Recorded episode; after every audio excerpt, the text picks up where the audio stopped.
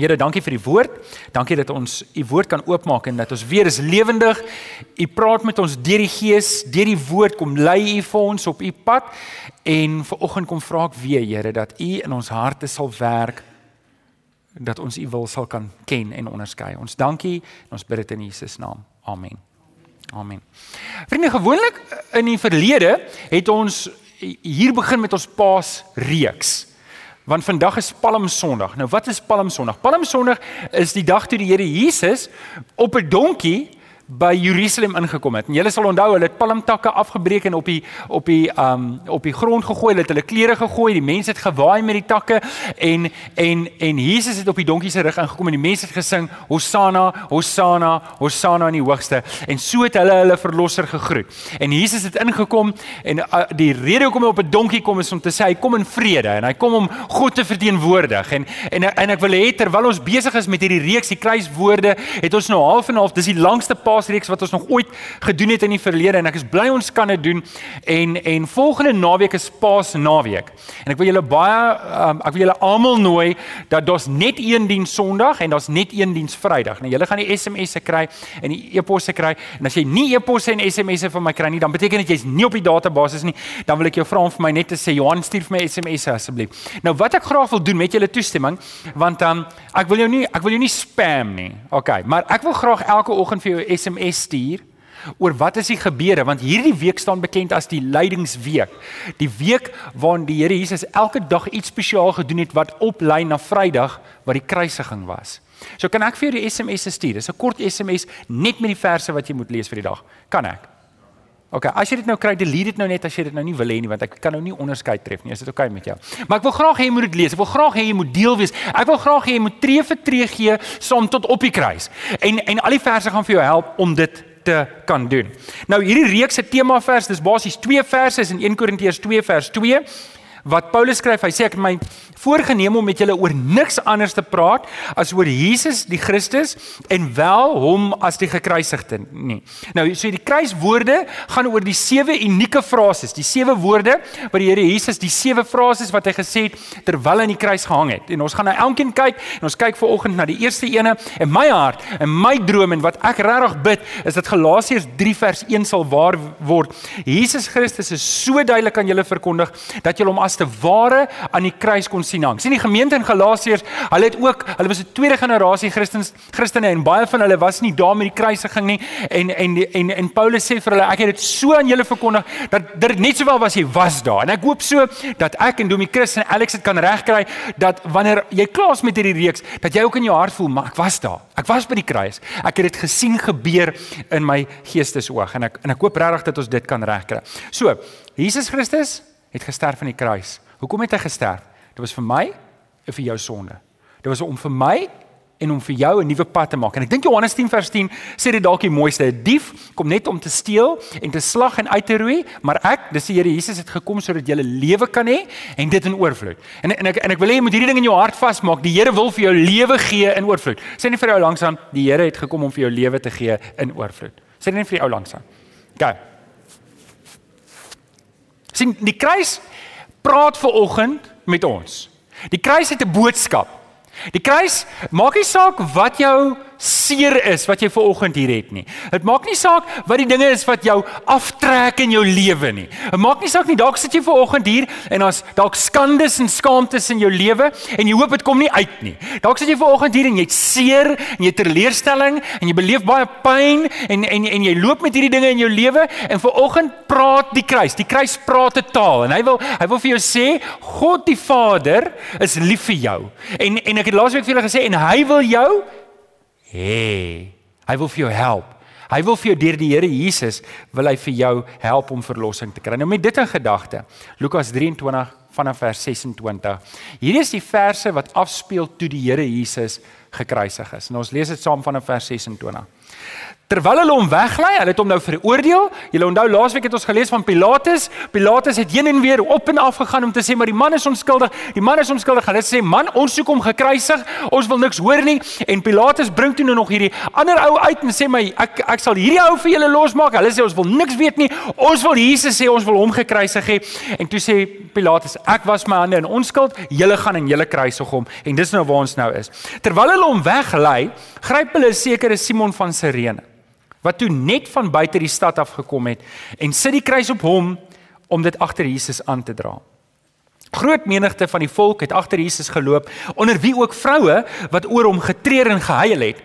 Maar Jesus het na hulle toe omgedraai en gesê: "Vroue van Jerusalem, moenie oor my huil nie. Huil oor julleself en julle kinders, want daar kom dae waarin hulle sal sê: Hoe gelukkig is die onvrugbare vroue en die wat nooit 'n kind in die wêreld gebring het of gevoed het nie."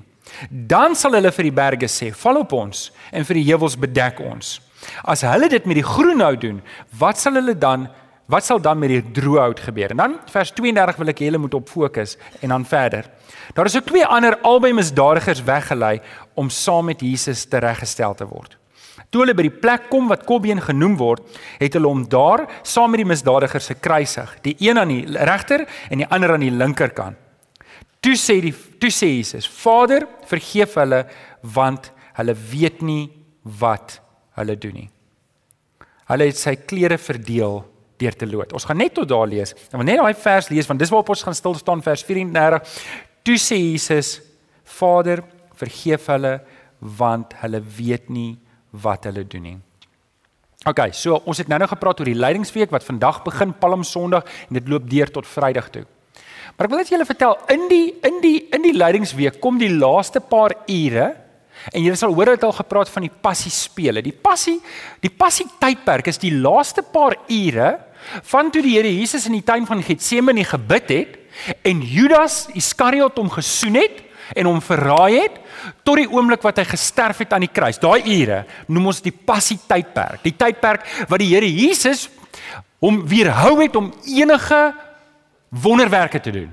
Julle sal sien voor dit het ons nog baie lering en baie wonderwerke gekry, maar toe van die soen van Judas Iskariot tot die Here Jesus gesterf het aan die kruis, het hy geen magsdade gedoen nie, geen wonderwerke gedoen nie. Jesus Christus het hom as te ware oorgegee om doodgemaak te word. Nou julle sal onthou, die van julle wat al die evangelies 'n paar keer gelees het, sal lees, hulle wou Jesus Christus gryp, maar hulle kon nie, want sy tyd het nog nie gekom nie. En en dis belangrik om te weet dat hierdie tydsberekening is deur God bepaal. En en julle moet verstaan dat die Vader is hier in die agtergrond besig. Ons moenie vergeet nie, ons kyk na hierdie mense en ons weet dis hulle wat besig is om dit te doen. Maar onthou voor die grondlegging van die aarde het God reeds besluit sy seun gaan aan die kruis sterf. So met ander woorde in God se vooraf kennis speel hierdie goed hulle self nou af en alhoewel hulle vroeër probeer het om die Here Jesus te gryp en om te kruisig, kon hulle dit nie doen nie. En as te ware kom die Here Jesus uit die tuin uit. En en ek wil hê julle moet mooi hoor, julle gaan dit in die studieboekie eens ook lees. Op 'n manier word hy nie doodgemaak nie, maar gee hy sy lewe af. Verstaan julle die verskil? Met ander woorde, hy sy lewe was nie van hom beroof nie. Hy het sy lewe kom gee. Wanneer ek en jy doodgaan, gaan ons onwillekeurig dood. Ons wil nie doodgaan nie. Wie sit tog nou ver oggend hier en sê, ja, okay, dalk moet ek nie hande vra nie, maar jy weet, die van ons gewoonlik dan sit ons maar 'n pleistertjie op as ons bloei. Amen weet ek's tog nou bang ek bloei uit. Ek lees nou reg 'n ou sê ek het ek het nuus gekry ek bloei inwendig. Maar dis 'n goeie ding want dis mos waar die bloed hoort. aan die binnekant. Okay, so ons doen goed om ons lewe te bou, maar Christus het sy lewe afgelê. Dis nie van hom beroof nie. Hy kom gee dit vrywillig af. En en vriende, ek dink, ek dink baie keer kan ons die fout maak om te dink dat omdat Jesus God was, het hy nie die pyn beleef wat 'n gewone mens sou beleef nie. Nou, nou ek ek ek wil, ek wil net gou jou in Jesus se skoene sit. God die Vader het hom nie gespaar van enigiets nie. Ek wil hê jy moet dit hoor. Toe die Here Jesus in die tuin van Getsemane gebid het en hy doodsbenoud geword, het hy goed geweet wat vir hom voorlê. Die Vader het hom nie gespaar nie. Jesus was nie gespaar van die emosionele lyding en die pyn wat hy sou deurgaan soos wat 'n gewone mens sou deurgaan nie. Verbeel jouself, dit was jy, een van die misdadigers en hulle het jou, hulle het jou met 'n doringkroon op jou kop gesit en jou met 'n stok op die kop geslaan dat hierdie dorings in jou kop insteek. Verbeel jouself, sou dit seer gewees het? Verbeel jouself, hulle het jou met 'n sweep geslaan wat met riempies was met stukkies been en glas en stukkies metaal, dat elke keer as hulle jou slaan en hulle ruk terug, dan kom maar stukke van jou vleis uit. Verbeel jouself dit was jy, want dis waar die Here Jesus gegaan het. Verbeel jouself dit was jy wat die kruis moes dra en toe hulle eh, Jesus aan die kruis gehang het, het die gewrigte gekap het met groot spykers en toe in die voete en hom toe in 'n posisie regop gebring het en skielik hang jy daar aan jou eie gewrigte en die ligamente skeer los omdat jou liggaam homself nie kan bymekaar hou nie. Dis waar die Christus gegaan het en en hy het letterlik deur hierdie pyn gegaan. Hy was nie gespaar deur die Vader nie. En en ek wil hê ek en jy moet daai goed hoor. Dis dalk horribale, gruwelike goed wat ons nou met mekaar sê, maar dis wat Christus Jesus deurgegaan het vir my en vir jou. Dis die prys wat hy betaal het. En nou kom ons by die eerste woord. Wat is die eerste woord? Ek het julle nou beskryf wat het Jesus nou net deurgegaan in hierdie hy hy's verraai deur een van sy disippels, hy's verraai deur Pilatus, hy's verraai deur sy eie volk. Hy het nou hy het nou net hierdie pyn en marteling deurgegaan. Hier hang hy aan die kruis. En wat is die eerste woorde wat hy sê? Wat is die eerste woorde wat hy sê? Vader, vergewe hulle want hulle weet nie wat hulle doen nie. Ek wil vir oggend stil staan op daai drie woorde. Ek wil ek wil hierdie frase vat en ek wil dit opdeel in drie. Die eerste een het daad julle reeds gesien. Die eerste woord wat Jesus sê is Vader. En uh, baie keer lees ons dit net Vader vergewe hulle wat en ons vergeet dat Jesus spreek God aan as Vader. Dit laat my terugdink aan Thomas wat vir Jesus sê Here wys ons die Vader en ons sal in U glo. En Jesus sê maar ek is nog heeltyd hier by julle. Ek wys julle nog die heeltyd die Vader en ek wil hê jy moet mooi hoor wat hier gebeur. sien ek en jy dien die Here, die God Almagtige. Maar dis nie hoe Jesus hom aanspreek nie. Jesus spreek hom aan as Vader. En vriende, dis die intiemste. Ek weet nie wat jou verhouding met jou pa was nie. Ek weet nie hoe jy met jou pa oor die weg gekom het nie. Ek weet nie en, en ongelukkig kan dit wees dat jy 'n projeksie van jou aardse pa met al sy tekortkominge op God die Vader doen. Maar jy moenie dit doen nie. Jy moet jouself indink in ons almagtige God wat lief is vir jou en omgee vir jou en 'n pa wil wees vir jou. En Jesus breek vir ons 'n deur oop dat dit nie net God die dat dit nie net God is nie, maar dat dit Vader is. Amen. Viroggend moet ek en jy die Here aanroep as Vader. Nou, julle hier's 'n kan ek sê hier's 'n subteks viroggend hierso. Hier's 'n subteks en jy moet nou viroggend hierdie lyne lees. Kan julle hierdie lyne lees? Tussen die lyne lees. Kan julle? Want ek gaan julle nou help. Ek wil hê jy moet die heeltyd dink aan vergifnis as 'n ondertoon in vanoggend se boodskap. Dink nou die hele tyd aan vergifnis en ek wil hê dalk sit jy vanoggend hier en jy dra wrok in jou hart of as iets wat nog nie uitgesorteer is nie en jy sukkel met vergifnis in jou eie lewe en jy weet nie hoe om dit te hanteer nie. Dan wil ek vanoggend vir jou sê as dit is waar jy is dan is dit hier waar jy moet begin. Jy moet met 'n nuwe en 'n vars idee van wie God die Vader is. Moet jy begin want hy's 'n God wat wil vergewe. Hy's 'n God wat my en jou wil vergewe en hy wil ons help om ander te vergewe.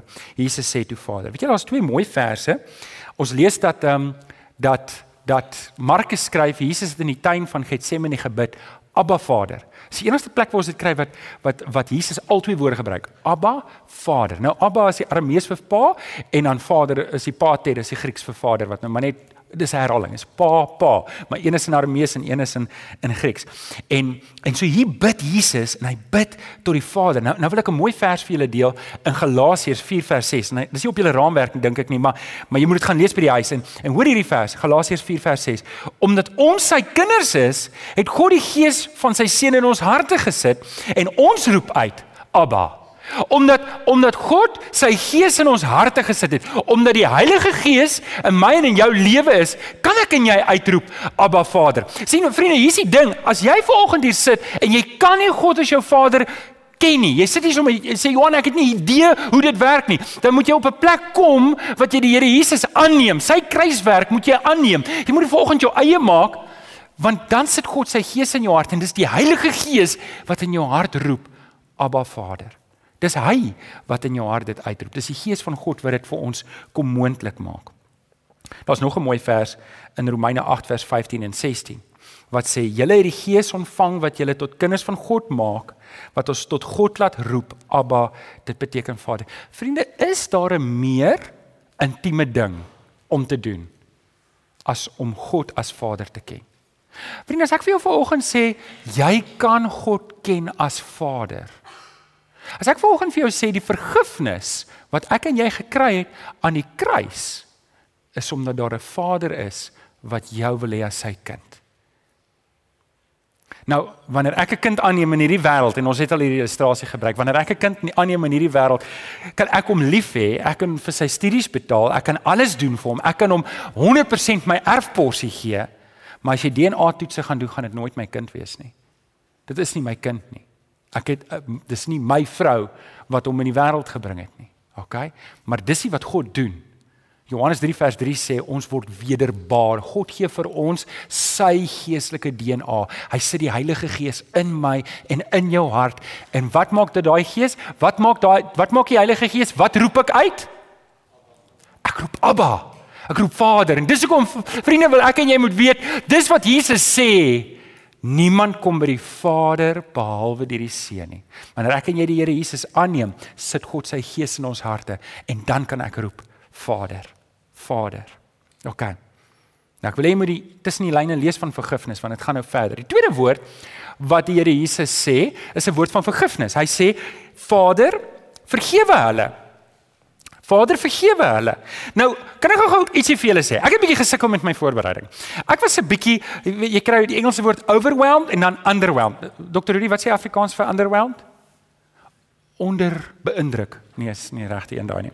Okay, so ek ek gaan toe eh, net vir die van julle wat weet die oudste Griekse weergawe wat ons het van die Nuwe Testament, is die Nestle Atlant. Dit is die 6ste van die oorspronklike een. Die res is net weg. Maar dis wat 2000 jaar in 'n teks kan doen. Veral as al klomp mense is wat nie omgee wat hulle doen met boeke nie. Okay, so dis my dis my Griekse Bybel wat ek gebruik. En dan het ons Louwenada se Griekse leksikon wat woorde uit die Grieks vat, dan sê hulle dis wat die betekenis het. Net dat julle verstaan want ek wou julle nou kom beïndruk het dat ek die woord vergifnis kan opbreek en vir julle behoorlike relaas gee van wat beteken vergifnis. Maar ek moet vir julle sê ek was ietwat, ek wil nie sê teleurgesteld nie, maar verbaas om te sien wat die woord beteken. Is jy reg hiervoor? Wil jy dit dalk neerskryf?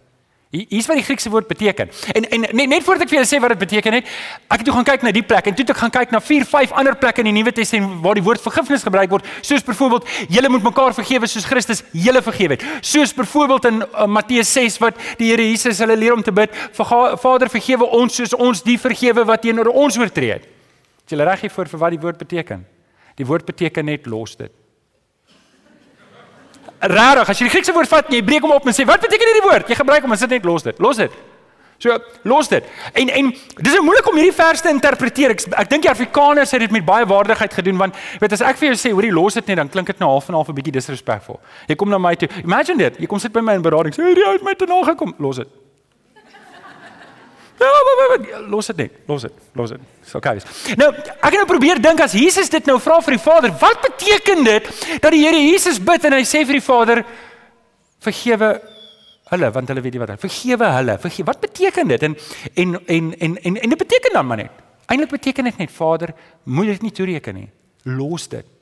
Los dit. Moet dit nie moenie die oordeel voltrek nie. Moet dit moet dit nie straf nie. Los dit los dit. En vriende, hier's hier's 'n dieper betekenis hierin vir my en vir jou. Hier's 'n dieper betekenis in vir my en jou. Want as dit die eerste woorde is wat die Here Jesus gee aan die kruis, dan moet dit tog ons aandag gryp, nê? Nee. Bedoel, was Jesus te nagekom? Dink julle Jesus was onregverdig behandel? Dink julle Jesus was onredelik behandel? Wie van julle sal daarvan hou as jou vriende jou so verraai en verneder? Niemand nie. En wat sou jou eerste gebed gewees het? Wat sou my eerste gebed gewees het? As ek dink aan die boete psalms wat Dawid so graag skryf, wat wat ons lees in die psalms, Here straf my vyande. Laat hulle hulle het nou 'n gat gegrawe, laat hulle self daarin val. Wie van julle sou saam met my dit gebid het? Wie van julle bid dit keer terwyl jy in die verkeer is en 'n ou druk voor jou in? Here straf hulle. Wie van julle bid so oor ons regering? Here straf hulle laat hulle uitgevang word en laat hulle almal tronk toe gaan. Ek het um, eendag bid ek saam met 'n oom oor die regering en hy hy bid oor die Zimbabwe se president en hy sê ag Here haal hom uit. Ek Gelukkig is dit hy wat bid. Nee klaar, so wil ek nie amen sê nie. ek bid maar net, moenie amen sê daarop nie. Okay, so ek ek wil net gou vinnig opbreek. Vader vergewe hulle. Hier's twee goed. Eerstens moet ons praat oor die Here Jesus, maar dan moet ons praat oor ons ook.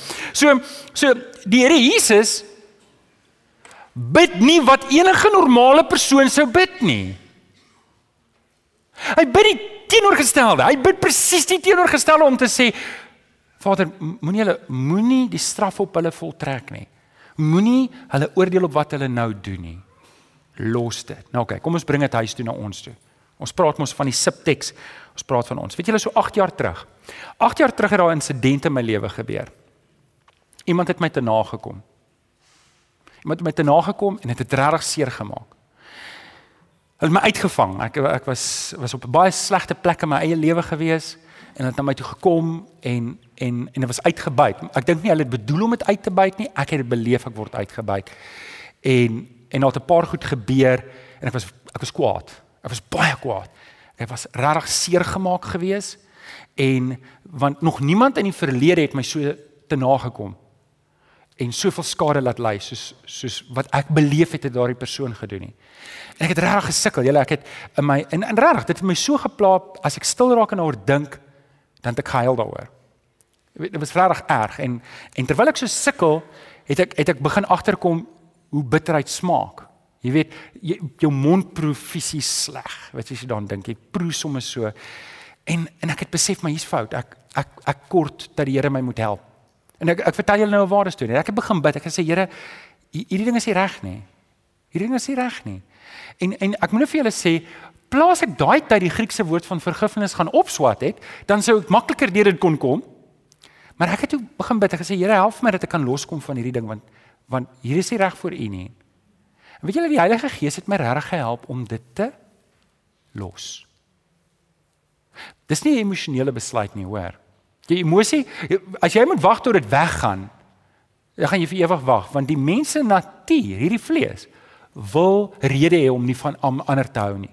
Hierdie vlees se natuur is om te wil om kwaad te bly vir ander. Wie van julle het dit al beleef? OK?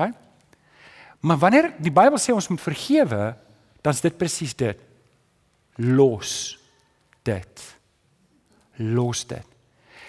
En ek kan vir julle nou sê regtig, dit het my seker 'n jaar, amper 2 jaar gevat om deur daai ding te werk.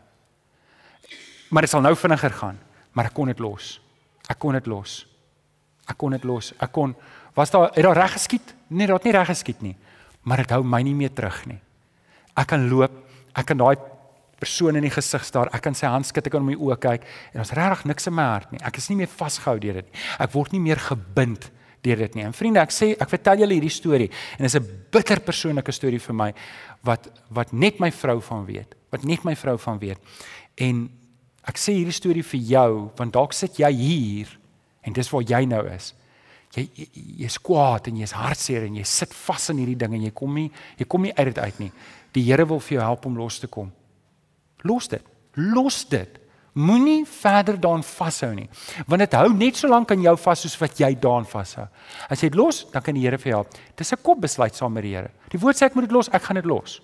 Nee, ag wag dat my hart nou reg is. Môreoggend voel ek dalk beter al los ek dit, nee. En dis 'n ongoing ding. Jy moet dit maar môre weer los en oor môre weer los. As jy dit kom, dan ah, los dit. Maak dit sin. Maak dit sin vir jou. Ek het eendag hierdie oulike aanhaling gehoor wat sê bitterheid is gif wat ek drink wat ek hoop my vyand gaan dood van. Bitterheid is gif wat ek drink en ek hoop my vyand gaan dood daaraan. Okay, die laaste ene. Vader vergeef. Hulle weet nie. Hulle weet nie. Ek het ge, ek het ek het lekker voorberei in hierdie ding. Ek het lekker voorberei in hierdie ding en ek moes myself vra vir wie bid Jesus hierso? Vir wie bid Jesus hierso? Hy sê Vader vergewe hulle want hulle weet nie wat hulle doen nie, maar vir wie bid Jesus hierso? En en ek het gaan kyk wie is die rolspelers hierso? Hier by die kruis se voete is die Romeinse soldate. Hulle is die uitvoerders van die moord. Dis hulle wat die spykers gevat het en deur die polse gekap het. Dis hulle aan die kruis vas. Dis hulle wat Jesus se voete aan die kruis vasgekap het. Dis hulle wat eintlik Jesus, hulle was die wat Jesus vermoor het, fisies vermoor het. En nou terwyl Jesus daar aan die kruis hang en Lukas maak dit duidelik, dis amper asof Lukas die twee probeer verband hou. Hier is die soldate hier onder besig om nou lood te trek, regtig soos kraaie wat nou weet sommer nou weet die goed probeer wegdraai hierso. En en en ek het gedink, weet jy, die Here Jesus Hulle weet nie wat hulle doen nie. Hulle voer net opdragte uit. So op 'n manier van die hele lot is hulle die onskuldigste terwyl hulle die skuldiges is. Hulle is nie wat die moord pleeg, maar hulle verstaan nie wat hulle doen nie. Hulle het nie 'n idee dat hulle doen nie. Om die waarheid te sê, as hulle dit nie sou doen nie, as as 'n soldaat nie sy opdrag uitvoer nie, kon hulle hom doodmaak. So met ander woorde op 'n manier is hulle die onskuldigste. Die Here bid vir die soldaat Vader vergewe hulle, weet nie wat hulle doen nie. Ek dink Jesus bid ook vir Pilatus. Pilatus is die een wat geweet het Jesus is onskuldig, né? Nee? Julle onthou laasweek hoe hy op en af gegaan het en hy kom uit en hy sê vir die volk, hoorie daar's geen skuld in hierdie man nie. Hy het niks verkeerd gedoen nie. En nog steeds sê hulle kruisig hom, kruisig hom. Weet julle, hy het die reg gehad om te sê, nee, julle is verkeerd, ek sal hom nie kruisig nie. Julle het 'n klomp bedrieërs en kokkerotte wat julle kan kruisig. Hy is onskuldig, ons gaan dit nie doen nie. En tog sê hy, ek was my hande so ewe in onskuld. So dink julle Pilatus was ook skuldig? Ek dink so, die Here sê en tog ek dink Pilatus het ook nie regtig geweet wat hy doen nie. Weet hy het geweet hy hy veroordeel nou 'n onskuldige man hierso. Maar hy het nie regtig geweet Jesus is die seun van God nie. Hoe sou hy weet? Hy het nie die profeseë geken nie. Hy het nie geweet hy het maar net gehoor. Miskien die tweede groep wat met die meeste pla is die Joodse leiers weet as as ek dink Jesus bid en sê Vader vergewe hulle want hulle weet nie wat hulle doen nie dan dink ek weet jy op 'n manier het hulle nie geweet wat hulle doen nie. Hulle het nie geweet werklik dit is die seun van God nie. Maar aan die ander kant het hulle presies geweet wat hulle doen hulle het die vrywaring nie hulle kan nie voor God gaan staan en sê maar ons het nie geweet dis die seun van God nie ons lees Nikodemus het al in Johannes 3 gesê hier ons weet hy kom rabbi ons weet u kom van God af. Want niemand kan hierdie dinge doen nie. So al sou hulle sê mos het nie regtig geweet hy is die seun van God nie, het hulle geweet God het hom gestuur en nog steeds het hulle hom gekruisig. Nou vriende, ek moet vir julle eerlik wees. Wanneer ek dink aan die Fariseërs, dit maak my kwaad. Dit maak my kwaad om te dink hulle het geweet wie die Here Jesus is en hulle het hom nog steeds teen die kruis vasgeslaan. Hulle hulle het geweet. En dan weet julle partykeer kry ek en ek sal dit nie eintlik hier sê nie, ek sal dit nou vandag sê, maar my hart sê dit sommer maklik. Hulle was daai Fariseërs en Sadduseërs was 'n klomp varke. Hulle was 'n klomp billebakke, hulle was boelies. Want wat hulle gedoen het, hulle het mense moetswillig verlei en mislei weg van Christus af, sodat 'n hele volk in opstand kom teen Christus en hom laat kruisig. En weet julle hoe hoe meer ek dink aan die Fariseërs op 'n manier hoe hoe hoe meer grief dit my. En dan en dan is dit asof die Heilige Gees saggies met my werk. Saggies met my werk en vir my wys my Johan, jy oordeel die Fariseërs. En vriende, ek staan hier as 'n gebroke mens voor julle. Ek sal nie daarvan hou as jy weet van al die goed wat ek verkeerd gedoen het nie. Ek sal nie daarvan hou as jy hoor van al my geraamtes in my kas wat ek gedoen het nie. En julle ek kry skaam om te sê baie van die dinge wat ek aangevang het, het ek gedoen na my bekering. Ek het gedoen na my bekering. En weet julle, dan staan ek so en ek wys vingers na die fariseërs en ek wys vingers na die fariseërs. Maar eintlik het ek die hele tyd die hamer in my eie hand. En het ek ook maar deelgeneem om Christus te kruisig. Ek net 2000 jaar laat.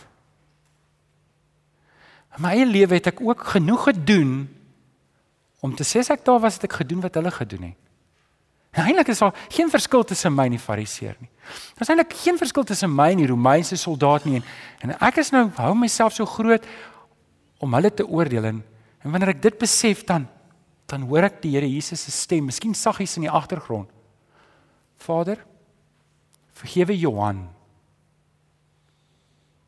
Want hy weet nie wat hy doen nie. En, en julle, dis as ek op daai punt kom en ek en ek maak 'n voorraadlys van alles want weet julle wat ons vergeet tog so vinnig die sondes wat ek gedoen het. Ek vergeet so vinnig my sondes wat ek gedoen het, maar ek onthou almal anders se sondes lank daarna. En dan sê ek, Here, dis nie reg nie. Here kom leer my om die mense wat teen my oortree het ook te vergewe. Vriende, dis Christus se vergifnis wat sy liefde wys. Dis Christus se vergifnis wat God se liefde vir my en jou wys en wat my en jou na hom toe trek. Dis hoekom ons na die kruis toe hardloop. Dis hoekom ons praat oor die kruis want dit hier is 'n man wat nie hoef te vergewe het nie en hy het alles vergewe. En vriende, hoor gou-gou hierso. Ek wil jou vanoggend kom vra ter wille van die evangelie, ter wille van die kruis van die Here Jesus. Jy gaan moet laat gaan. Maak nie saak wat wie aan jou gedoen het nie. Jy gaan dit moet laat gaan want dit is die enigste manier hoe jy Christus gaan wys vir die ou wat teenoor jou oortree. Dit is die enigste manier hoe Christus te voorskyn gaan kom in jou lewe wanneer jy ook gaan sê Here, ek vergewe hierdie mense. Maak nie saak wat hulle aan my doen nie. Weet jy wat jou jou seer kry kan omgedraai word in 'n getuienis as jy vandag besluit om te vergewe. En dis wat ek vir jou wil bid vir oggend, dat jy nie dat jy nie gaan wrokke hou nie. Dat jy vir oggend gaan sê, Here, hierdie wrok bring ek vir U, want as daar iemand was wat nodig gehad het om 'n wrok te dra, dan was dit die Here Jesus. En hy het dit gelos. U verwag van my om dit te los vir oggend. Ek wil vir jou bid. Ek wil volgens vir jou bid dat jy dit sal los. Kom ons bid saam. Vader, U weet wie sit ver oggend hier en sukkel geweldig met hierdie wrokke. Jy weet wie sit ver oggend hierso en sê maar ek kan nie Christus wys nie want ek dra hierdie goed saam met my en dis bagasie wat my moeg maak. Dis gif wat ek drink wat my doodmaak en ek moet vrykom ver oggend. En ek weet die Gees het klaar die oortuigwerk gedoen, Here. Ek wil kom vra Here dat U sal aanraak waar daar nodig is om aan te raak. Ek wil volgens vir jou kans gee om te te reageer want ek wil vir jou bid. Maar as jy vanoggend hier sit en sê, weet jy die Here oortuig my ek moet daai wrok laat gaan. Dan wil ek vanoggend saam met jou bid. As jy vanoggend hier sê sê Johan, bid saam met my. Ek wil daai wrok laat gaan. Steek op jou hand. Steek op jou hand. As jy sê vanoggend wil ek my wrok na die kruis toe bring en sê dis klaar. Dis klaar. Ek gaan nie meer. Ek gaan nie meer saamdra nie. Dankie vir daai hande. Is daar nog iemand wat 'n hand wil opsteek? Ek gaan nie meer die wrokke dra nie. Want Christus het nie 'n wrok teen my gedra nie. Ek sal nie 'n wrok teen ander dra nie. Vir julle wat hande op het, is daar nog iemand? Ek wil vir jou bid. Here, u sien elke hand wat opgegaan het wat wat ver oggend 'n dringende besluit moet neem om te sê ek maak klaar met my wrokke. Want vergifnis beteken om dit te los en te laat gaan. Maar Here, ons kan dit nie doen in ons eie nie. Here, dit sien ons dat die Here Jesus het begin by U, Vader. Begin by U. En dis die Gees wat ook ver oggend in elkeen van ons harte uitroep, Abba Vader. Here, U gee vir ons ver oggend die krag om hier te begin. Ek vergewe. Kom help vir ons, Here. Ons bid dit in Jesus naam. Amen. Amen.